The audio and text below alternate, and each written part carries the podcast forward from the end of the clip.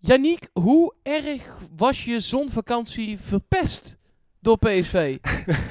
Nou, ja, ik ging weg met een eh, verschil eh, tussen PSV en Ajax van vijf punten natuurlijk. Ik had wel gedacht dat PSV ergens punten zou verspelen. Eh, ik had niet verwacht dat Ajax punten zou verspelen. Dus ik had wel een beetje verwacht dat we met minder punten verschil terug zouden komen, zeg maar. Ehm, maar dat we eh, tijdens mijn vakantie op acht punten hadden kunnen komen. En dat het er nu vier zijn in plaats van vijf, dat had ik niet verwacht. Dus ik ben niet heel erg, heel erg blij met hoe het de afgelopen twee weken is gegaan. Nee. Nee, snap ik ook. Hoe, eh, ja, kijk, klein persoonlijke touch voordat we naar de, naar de harde realiteit gaan. Hoe was je zomervakantie? Nou, Ja, tenminste, het fijn. was niet in de zomer, Dat maar... was super fijn. Ik, ik kwam nog een oud PSV'er tegen ook. Daar ga ik het zo ook nog wel even over hebben. Oké, oké. Ja, ja op Curaçao. Dus eh, dat was heel gezellig. Eh, Ja. Maar daar hebben we het zo wel even over. Ja, dat is goed. Eh, dat gaan we dan doen in PSV. Podcast, Platte Kar, seizoen 2, aflevering 35. We zijn eh, vanaf het stadion voor een groot gedeelte met de platte kar meegelopen. Platte kaart, dat is geweldig. Met Mark Versteden natuurlijk. Ja, en uiteraard ook met uh, Yannick Eeling. Ben jij nou bij al, allebei die wedstrijden geweest? Ik ben uh, naar allebei die wedstrijden geweest. En uh, allereerst alvast, uh, nou ja, excuses dat niet alle voor- en nabeschouwingen er waren de afgelopen weken. Dat was ja, logistiek mea gewoon- culpa. Ja, het was logistiek gewoon letterlijk onmogelijk. Omdat, Ja. uh, nou ja, uh, met onze vaste vervanger Luc van der Braak, met, uh, onze schema's liepen gewoon te scheef naast elkaar. En om hier nou een monoloog van 20 minuten te gaan houden, dat vond ik ook zoiets. Uh, Ik vond het wel een mooi compliment dat we klachten kregen eh, dat mensen zaten te wachten. Eh, Ja. Dus dat betekent wel dat, dat jullie er echt op zitten te wachten met z'n allen. En dat is mooi alleen maar, dus laat het vooral weten ook. ja, maar precies. de bedoeling is dat we nu weer volle bak gaan en dat we er nu wel gewoon weer twee per week gaan maken, toch? Ja, zeker weten. En de, de volgende keer moeten we, eh, we, en in dit geval zeker ik, daar gewoon iets beter over communiceren ook. Hè? Dat levert Ja. een hoop minder problemen op. Dat gaat, dan, dat gaat dan zeker goed komen. Nou goed, jij was bij allebei die wedstrijden, Mark. Ehm, ik, ik wil eigenlijk, want ik heb ze allebei eh, zitten kijken, maar ik wil wel van jou weten welke van de twee je het slechtst vond. Oh, dat eh, was eh, eh, 100% die tegen Herenveen. Ja? Ja, ja, die tegen Utrecht. Daarin speelde PSV in de eerste helft niet super goed, maar ook niet super slecht. Het waren letterlijk twee kansen van Utrecht. Nou was dat bij Herenveen ook zo hoor. Maar eh, eh, Utrecht die kunnen ook nog echt wel best een beetje voetballen. Snap je? Die hebben nog wel kwaliteit. Ehm, En die kwamen er twee keer heel gevaarlijk uit op de counter. Dat had Dick Advocaat gewoon eh, heel goed neergezet. Ehm, ja, en als je dan een keeper hebt die op dit moment geen punten pakt en een verdediging met een, vooral een blok op het middenveld daarvoor, dat gewoon niet de vorm heeft van voor de winterstop, Nee. dan vond ik die tegen Utrecht, hoe gek dat ook klinkt, nog niet eens super erg. Maar eh Herenveen in die eerste helft heeft ook twee kansen gehad en daaruit twee keer gescoord. Maar het spel van PSV was tegen een Herenveen dat er echt Janiek, dat was, is geen grap, die kunnen er helemaal niks van. Die voorste drie, Nee, die Michailov ik had van ook het Bergen, idee van, de, de, de, dan moet je gewoon eh, tussendoor wandelen toch achterin ook. Ja, maar echt. Die uh, Michailov, Van Bergen en Lammers met z'n drieën voorin, dat is nog wel geinig. Maar dat middenveld, dat stelt helemaal niks voor. Zeker in verdediging. Nou ja, Schaars was nogal goed toch? Jawel, nee, maar die is wel goed in het En verdelen Vlap? van de paasjes. Jawel, maar eh, eh, eh, dat is allemaal aanvallend. Verdedigend loop je daar echt zo doorheen. Eh, Ja. En de opbouw... Kijk, eh, eh, Piri, die kopte heel veel ballen weg. Maar Piri, Heu en ook die eh Horenkamp aan de rechterkant en Woudenberg aan de linkerkant. Dat is opbouwend allemaal zo zwak. Die leverde de bal telkens in met bij PSV. En PSV deed er veel en veel te weinig mee. Het was zo Ja. onzorgvuldig, zo gehaast. Ja, dat is, op een gegeven moment bij een 2-0 achterstand snap ik dat. Maar na die 1-0 had PSV al zo'n haast. Nergens, voor- het was echt slecht, Janiek. Het was echt heel slecht. Wat ik er ook vooral, vervelend aan vond is, kijk, je, kan dat een keer hebben natuurlijk, dat je eh, in een uitwedstrijd een beetje overrompeld wordt eh, door een tegenstander en dan een slechte eerste helft aflevert. En ehm, ehm, ja, dat je dan op 2-0 de rust ingaat. Maar dat het dan twee keer achter elkaar gebeurt, dat vond ik wel echt oliedom zeg. Ik heb echt met stijgende verbazing zitten kijken naar die eerste helft tegen Heerenveen vooral. Ja, zeker. En eh, eh, ik vond de. de ik, ik voelde het al een beetje aankomen aan de tweets en de social media van de spelers. Na afloop van de wedstrijd tegen Utrecht. Hey, nice comeback. En ze waren vooral heel tevreden met, met zichzelf en met elkaar. En ik snap het, want het was een hele knappe comeback. Dat was die comeback tegen Herenveen overigens ook. Eh, maar eh, eh, daar moet je als PSV-speler. je, tuurlijk mag je blij zijn met de comeback. Maar dat moet voor mijn gevoel altijd zijn met. Maar fuck, we hebben niet gewonnen. En die tevredenheid van toen, die is een soort van doorgedreund in deze wedstrijd tegen Herenveen. En nu zeiden spelers ook, Luc de Jong heb ik het volgens mij horen zeggen. Nu ben ik pas echt boos. Toen dacht ik, ja nee Pik, je had toen al echt boos moeten Ja. zijn. Ja, je, je kan niet twee keer achter elkaar diezelfde fout maken. Dat vind ik zo, eh, ja... Ik, ik verbaas me daar zo over, want het zijn gewoon vier verloren punten eigenlijk. Ja, nou ja, helemaal mee eens. Ehm, even individuele spelers te uitlichten. Gewoon een beetje van achter naar voren zou ik maar zeggen. Eh, Zoet, dat eh, moet echt een stuk beter. Ehm krijgt maar een paar ballen te verwerken per wedstrijd. Maar we weten ook dat een keeper van PSV dat gewoon eh, wel aan moet kunnen. Ehm, de beide ballen tegen eh Heerenveen had hij kunnen hebben, voor mijn gevoel. Tegen Utrecht had hij er één kunnen hebben. Dus maakt niet zijn beste fase door, hè? Nee, en het is echt zuur voor hem, want eh, er komen wedstrijden aan met het Nederlands elftal. En, en Sillissen is geblesseerd, dus eh, ik, ik ben benieuwd of hij in deze vorm dan wel doorschuift als eerste keeper.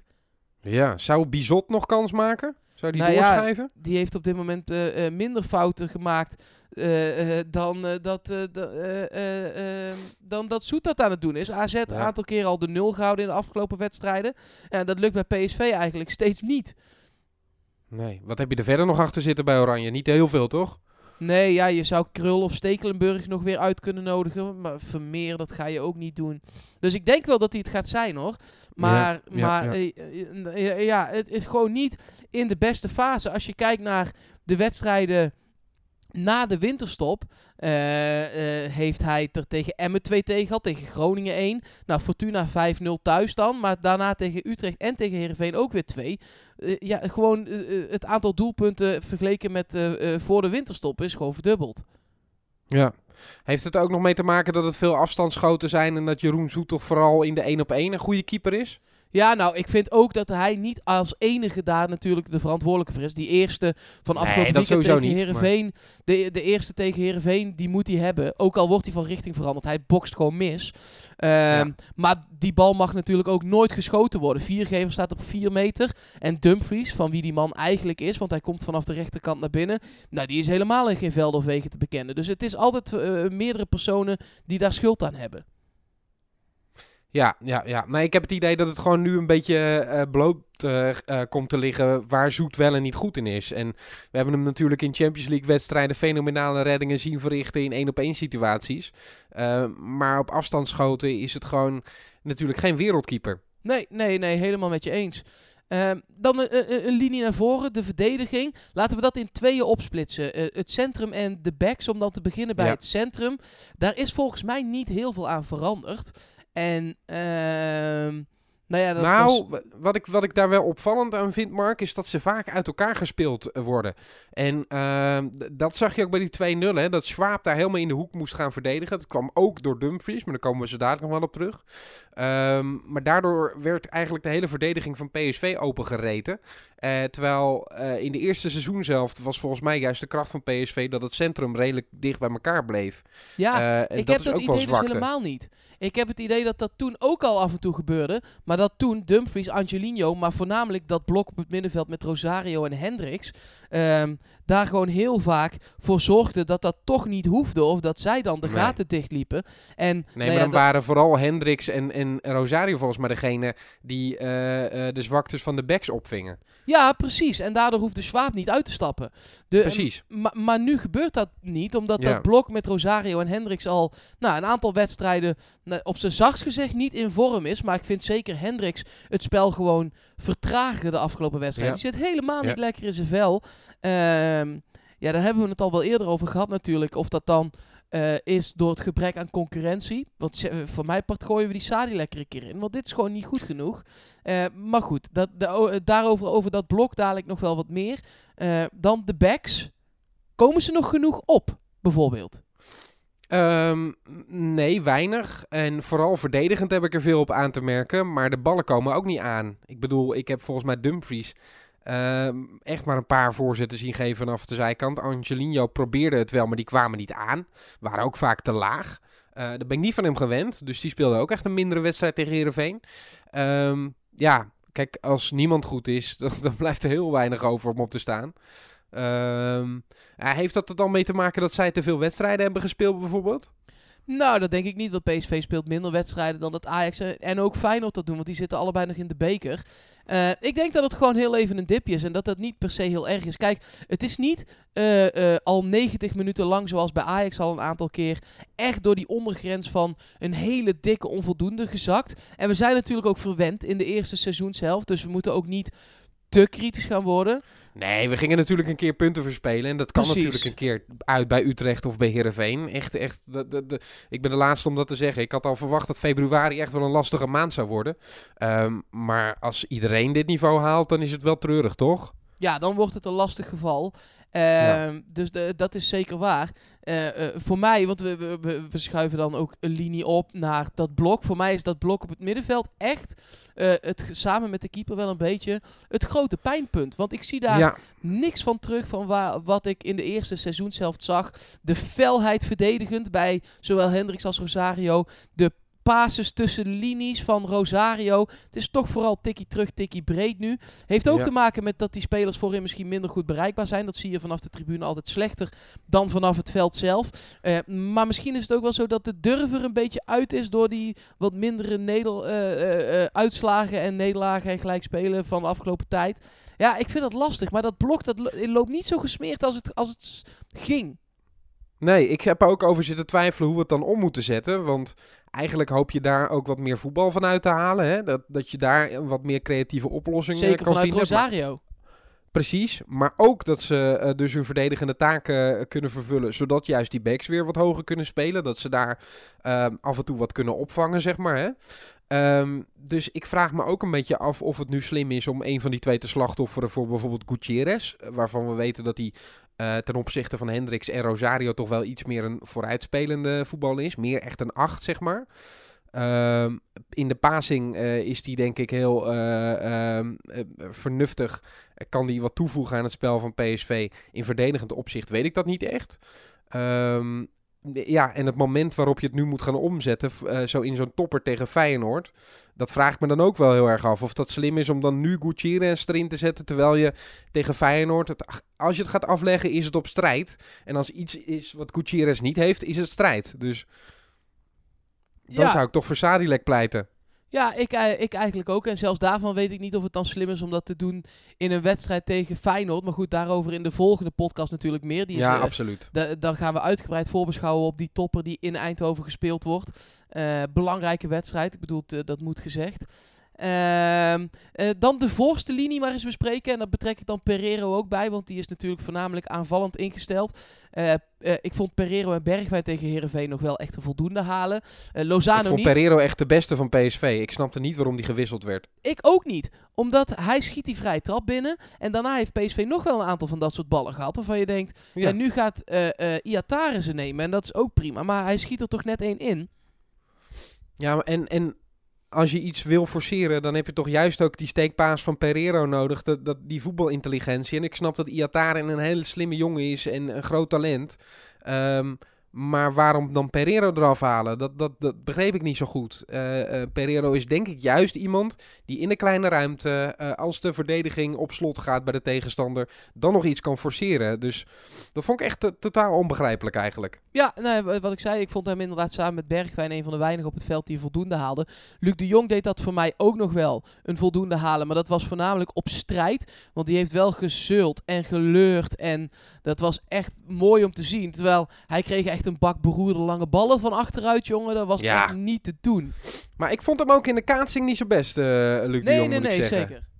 Hij, uh, hij, speelde ook absoluut niet zijn beste wedstrijd. Want vaak is het dan... En ik had ook het idee dat uh, PSV daar een beetje op speculeerde. Hè? Dat, dat de lange bal een beetje richting Luc de Jong ging. En Lozano en Bergwijn, die waren niet heel erg aan het meeverdedigen. Maar ik had ook het idee dat ze vooral loerden op die paas van Luc de Jong uh, um, langs of over de verdediging. Um, dat, dat ging niet zo goed, gewoon. Nee, nee, best gek eigenlijk. Want dat is toch het recept dat tot nu toe tegen iedere tegenstander wel of heel goed of toch redelijk heeft gewerkt. Ja, Eh, maar dan zie je toch ook hoe, hoe afhankelijk PSV eh, dan wel is in de tactiek eh, van Luc de Jong. Ik moet er niet aan denken dat die nog geblesseerd gaat raken hoor. Nee, nee, nee, nee, zeker niet. Nou is deze week, eh, daar ben ik heel blij mee na afgelopen weken, Romero teruggekomen. En dan kun je denken, hoezo ben je daar dan blij mee? Nou, omdat ik afgelopen twee wedstrijden ook heb gezien dat als je geen tweede spits hebt, Gakpo is een, is een linksbuiten, Malen is een links of rechts buiten. Dat geldt voor Bergwijn en Lozano ook. Maar een echte tweede spits, die hadden we niet. En die kun je in zo'n Nee. wedstrijd wel goed gebruiken gewoon. Ja, kijk, ehm, ehm, PSV probeert het vaak ook met een recept waarbij Luc de Jong dan iets terugzakt en waarbij er iemand voor hem gaat spelen. Dat is vaak Bergwijn. Ehm, maar ik vind Bergwijn toch ook eh, met de vrijheid vanaf de zijkant toch nog wel iets beter dan in het centrum. Hij liep zich vaak kapot tegen de verdediging. En dan zou Rambero toch wel lekker zijn als je die erbij kan zetten. Helemaal mee eens. En die speelde een aardige paar wedstrijdjes daar bij eh, Argentinië 120. Aantal doelpunten gemaakt ook. In de finale mocht hij dan weer niet meedoen. Maar eh, hij heeft gewoon gespeeld. Dus hij heeft nu in ieder geval een beetje ritme. En is ook, Het is ook belangrijk voor de waarde, denk ik, van hem. zeker. Ehm, dat, dat we niet in, in één keer eh, totaal waardeverlies hebben na dat waardeloze jaar waarin hij helemaal niks heeft gedaan met PSV. Laten we hopen dat hij gewoon nu die lijn even doortrekt en dat hij hier ook lekker gaat invallen. Ja, dat zou, dat zou mooi zijn. Ehm, ja, kijk, weet je wat het is? PSV heeft, en daar moet je het niet op afschuiven, hè, want het spel was echt slecht. Maar PSV heeft ook wel echt pech de afgelopen wedstrijden. Hè. Zeven doelpunten tegen, op acht schoten op doel. Ja, Die bal op de paal van Bergwijn, dat opstuiterende balletje van Bergwijn, het, was allemaal, eh, het zat allemaal niet mee, dat klopt. nee, het zat allemaal niet, eh, niet mee. En eh, uiteindelijk gaat het natuurlijk ook gewoon wel weer een keer wel meezitten. Ehm ja, Lozano werd gewisseld. V- eh, Ja. wat vond jij daarvan? Nou, ik, ehm, ik wist dat Gakpo erin zou komen eh, in de rust. Eh, dat kreeg ik wel door. En toen hoopte ik eigenlijk dat hij Lozano eraf zou halen. Maar daarbij dacht ik gelijk, dat zal hij wel niet doen. Want Lozano is wel altijd zo'n speler die dan in één keer weer kan opstaan. Ehm, en dan zal hij wel voor de makkelijke wissel Pereiro gaan. Maar daar hoopte ik dus absoluut niet op. Omdat ik die best wel aardig vond spelen. Ehm, Bergwijn vond ik ook niet rijp voor een wissel. Dus in dat opzicht vond ik de wissel Lozano logisch. Hij stond ook op scherp hè, en we kunnen hem tegen Feyenoord denk ik wel goed gebruiken. Ik denk ook dat je een getergde Lozano extra goed eh, zou kunnen gebruiken in zo'n wedstrijd. Dus ik denk ook dat het, dat het moment om hem te wisselen eigenlijk helemaal niet zo onlogisch is. En over Lozano zelf, ja, hij speelt gewoon niet goed genoeg om te blijven staan. Daar moeten we gewoon eerlijk in zijn, toch? Hij Nee, kan gewoon eh, niet zeker. nu zeggen, hé, hey, eh, waarom haal je me eraf, want ik speel toch zo geweldig. Nee, nee, klopt. En eh, zo'n dipje hadden we aan het begin van het seizoen ook voorspeld. Hè? Dat is ook helemaal niet zo gek, want het is nog altijd een ontzettend jonge jongen. Hè? Het is niet zo dat hij nu ineens 27 is en, eh, en een, een gevestigde naam.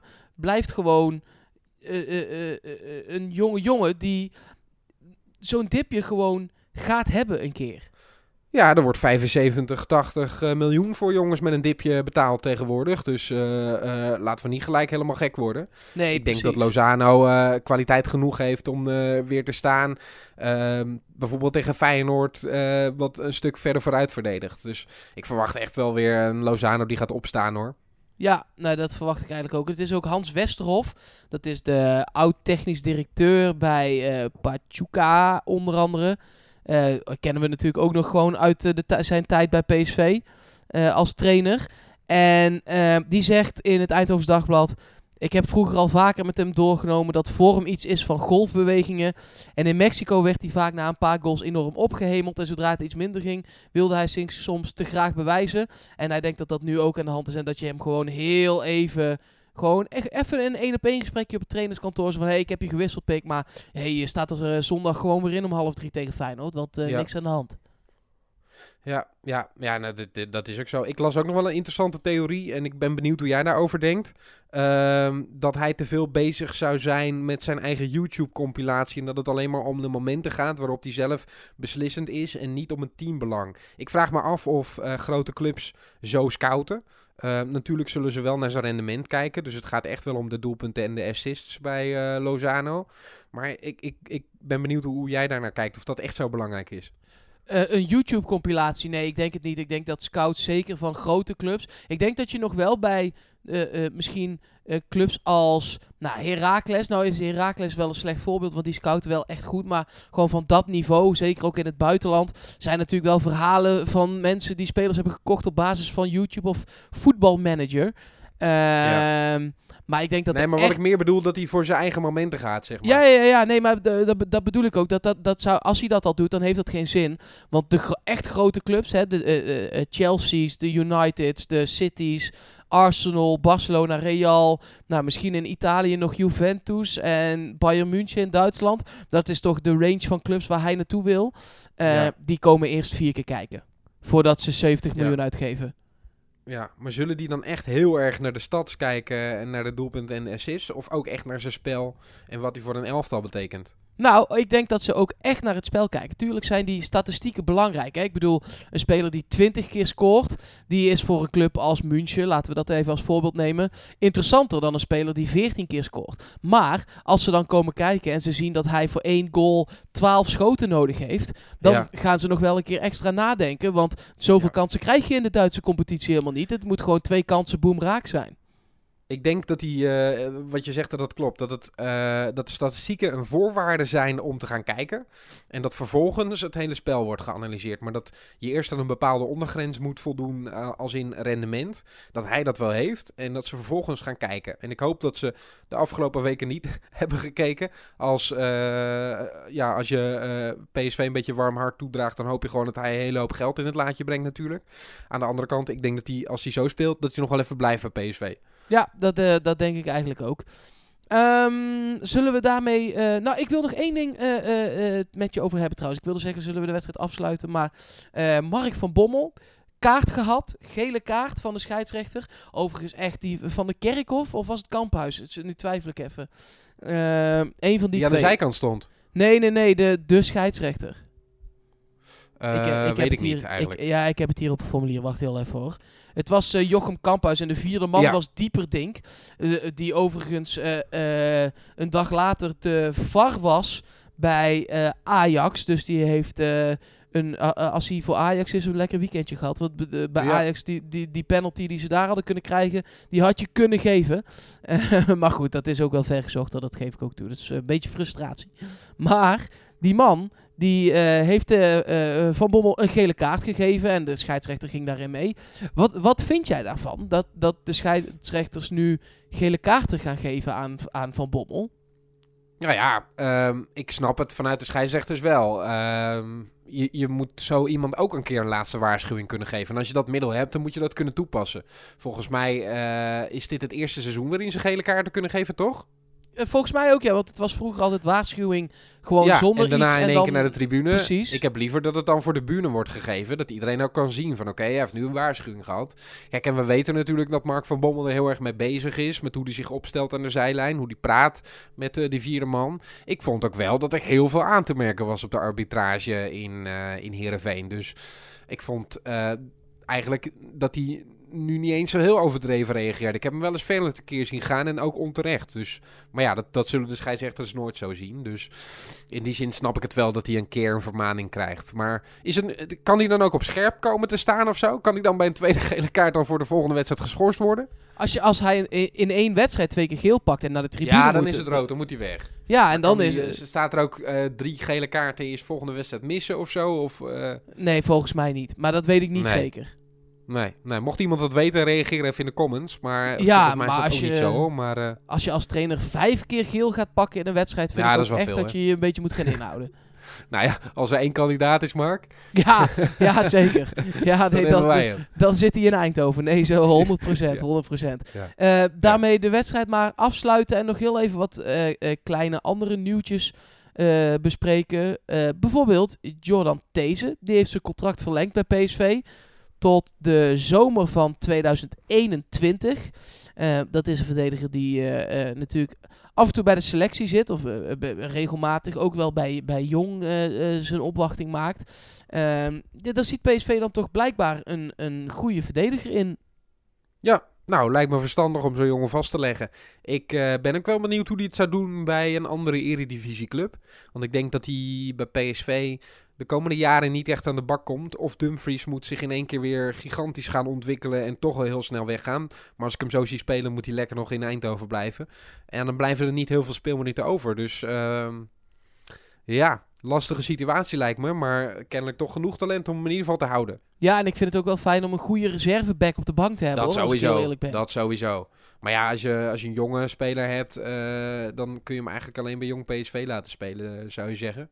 Ja, dat is waar. Of in de beker. Maar ja, daar spelen we niet in. Misschien volgend seizoen weer. Ja, ja, precies. Ehm, Ja, goed. eh, wie weet komt er een kansje komende zomer. Maar anders dan is het eh, prima om hem af en toe te laten invallen. Ja, nu, jij hebt het nu over spelers die van PSV bij een andere club zitten. Ik ben hem net helemaal vergeten. Jij bent hem ook helemaal vergeten. En dat is niet zo gek, want hij was in de wedstrijd ook helemaal onzichtbaar. Maar toch, om hem maar heel even benoemd te hebben, Sam Lammers deed mee. Dan weet je dat, Ja. afgelopen zaterdag.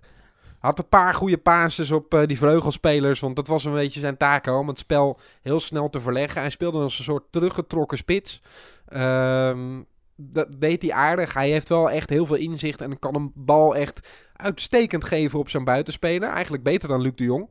Ehm, hij heeft gewoon een betere passing. Maar verder heb ik hem niet gezien. En eh, gelukkig maar. Ja, zeker.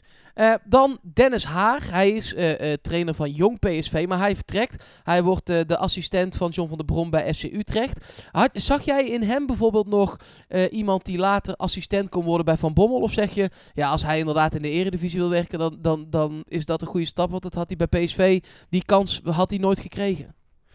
Ja, ik vind het lastig, want je gaat niet iemand, denk ik, later toevoegen aan je, ehm, aan je technische staf. Ehm, als die al zo'n positie binnen PSV heeft, dan haal je hem toch vaak van buitenaf. We hebben natuurlijk bijvoorbeeld Ruud Brood gezien, die bij PSV er dan in één keer bij kwam als een soort extra ervaring. Dat zou Dennis Haar dan kunnen zijn eh, voor Mark van Bommel. Als bijvoorbeeld Bert van Marwijk op een gegeven moment zegt, nou, ik vind het wel heel mooi geweest. Ehm, maar volgens mij is de staf eh, eh, die Mark van Bommel nu, nu heeft, is, is dat eigenlijk helemaal niet zo slecht. Met, eh met Robbenmond en met Dirks ernaast, met eh, Van Marwijk erbij. Ehm, dus ja, ik, ik weet niet of daar echt perspectief voor hem lag. En dan is dit wel een logische stap. Ja, wie moet het worden? Wat, wat voor een trainer heeft zo'n jong PSV nou nodig? Want zo Dennis Haar was natuurlijk heel goed met, met die jeugd. Moet dat nu al bijvoorbeeld eh, Ruud van Nistelrooy worden? Of, of is dat te vroeg? Of, ik heb er laatst over na zitten denken. Het lijkt mij wel heel vet als dat Ruud van Nistelrooy wordt. Maar ik weet helemaal niet Als hoe hij een beetje hij is. doorgroeit van de onder 19 naar een jong PSV. Ja, precies. Ik weet helemaal Ja, niet of hij daar klaar weet voor is. wat wel maar- lastig is, Mark, aan dat, eh, aan dat eh, hele jonge PSV? Is dat je elke week, elke wedstrijd weer met een compleet andere selectie bezig bent. En dat heeft Van Nistelrooy nu wel bij onder 19. Die kan echt groeien in zijn rol binnen zo'n selectie. Kan echt bewuste keuzes maken. En bij jong PSV moet je ook altijd maar een beetje kijken wat er over de rand valt bij de wedstrijdselectie van PSV 1. Eh, hoe het zit met de blessures. eh, wie je nodig hebt van, ehm, ja, van andere elftallen. Dus het- volgens mij is het nog veel moeilijker. En, en ik weet niet of je er heel veel van leert. of Nou, het, of je- het net zo realistisch is als een eerste elftal.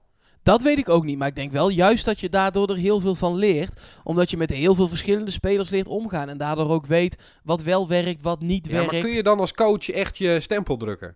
Oh, dat weet ik niet. Maar ik denk wel dat je in je trainingen en in je coaching heel veel kunt leren. Ja, ja, ja.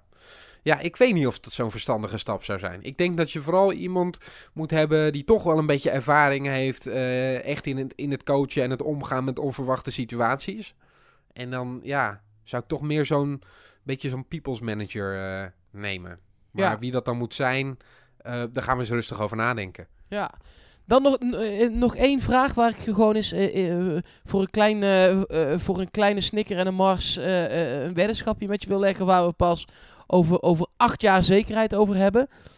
Welke van de volgende drie namen gaat het het verst schoppen in hun carrière?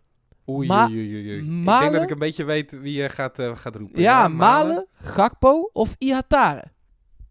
Ja, Iataren. Eh, en eigenlijk eh, hoef ik daar niet eens over na te denken, omdat je bij hem zo'n uitzonderlijke klasse ziet. Ehm, het rendement moet echt nog omhoog. Hij moet slimmer worden.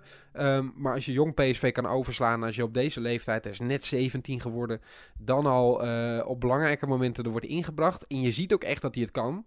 Ehm, ja, ik voorspel hem echt een hele grote toekomst. Fysiek ook sterke jongen.